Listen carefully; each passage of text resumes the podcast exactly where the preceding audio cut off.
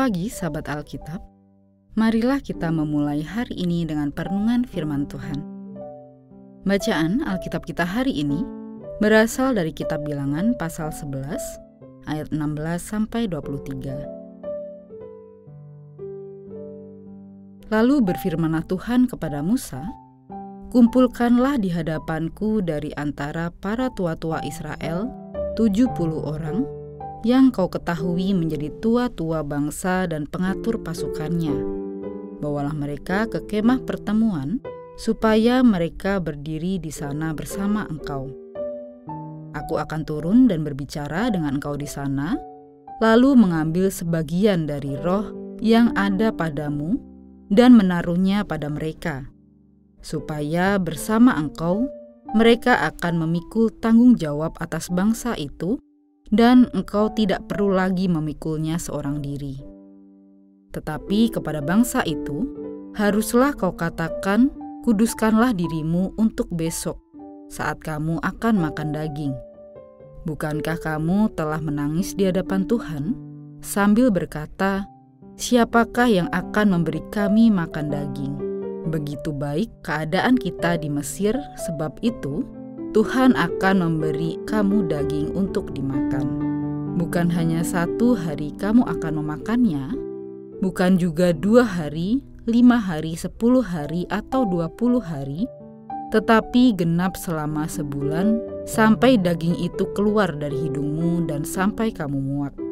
Sebab kamu telah menolak Tuhan yang ada di tengah-tengah kamu dan menangis di hadapannya sambil berkata, untuk apakah kita keluar dari Mesir?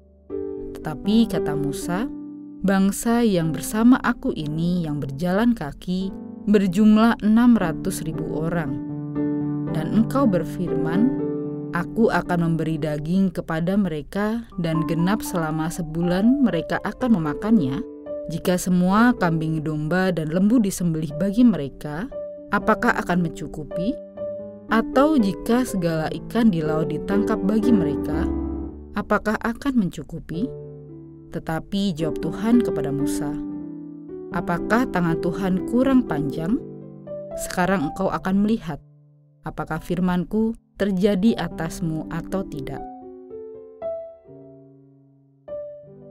Orang Israel untuk sekian kalinya bersungut-sungut dan menuntut Tuhan untuk mengabulkan permohonan mereka seolah tidak pernah puas dengan apa pun yang Tuhan berikan kepada mereka, orang Israel selalu memberikan tuntutan dalam segala sungut-sungut kepada Tuhan. Hal yang menarik adalah pada perikop ini, Tuhan menuruti permintaan mereka untuk kesekian kalinya. Meskipun pada bagian terakhir juga terlihat dengan sangat jelas bahwa terwujudnya keinginan orang Israel tidak serta-merta membuat iman mereka menjadi semakin teguh kepada Tuhan. Terdapat pernyataan dari Tuhan yang semestinya diterima oleh orang Israel sebagai peringatan mengenai kondisi iman mereka sendiri, yaitu ketika Tuhan berkata, "Bukan hanya satu hari kamu akan memakannya, bukan juga dua hari, lima hari, sepuluh hari, atau dua puluh hari, tetapi genap selama sebulan sampai daging itu keluar dari hidungmu dan sampai kamu muak. Sebab kamu telah menolak Tuhan yang ada di tengah-tengah kamu dan menangis di hadapannya sambil berkata, untuk apakah kita keluar dari Mesir? Apakah tangan Tuhan kurang panjang? Sekarang engkau akan melihat apakah firmanku terjadi atasmu atau tidak. Menghaturkan permohonan kepada Tuhan tentu bukanlah sebuah hal yang salah untuk dilakukan oleh seorang umat. Pada satu sisi, memohon kepada Tuhan merupakan salah satu tanda bahwa kita bergantung kepada Tuhan. Namun, pada sisi lain, ada juga potensi masalah yang sangat mungkin terjadi. Lebih tepatnya, masalah itu muncul bukan karena umat mengaturkan permohonan kepada Tuhan, melainkan karena umat memaksakan tuntutan bahkan menjadikan tuntutan sebagai kunci hubungan antara mereka dengan Tuhan. Hal ini pula lah yang muncul dalam perikop bacaan firman Tuhan hari ini.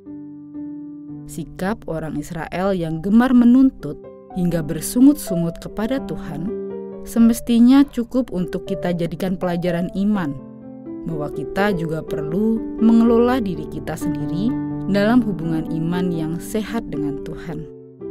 Misalnya, kita memang dipersilakan untuk memohon kepada Tuhan, namun kita juga perlu memegang kendali atas diri kita sendiri agar tidak dikuasai oleh keinginan-keinginan yang semakin egosentrik hingga berujung pada kekerasan hati dan kebebalan iman.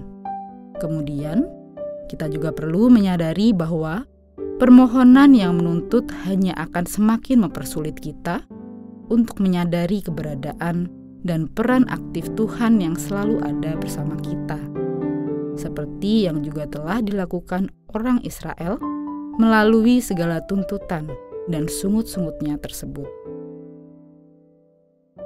Mari kita berdoa. Tuhan, ampuni kami jika dalam permohonan yang kami panjatkan terselip tuntutan yang egosentrik. Mampukan kami untuk lebih peka lagi untuk dapat memilah setiap ungkapan permohonan yang kami haturkan kepadamu. Inilah doa kami. Amin.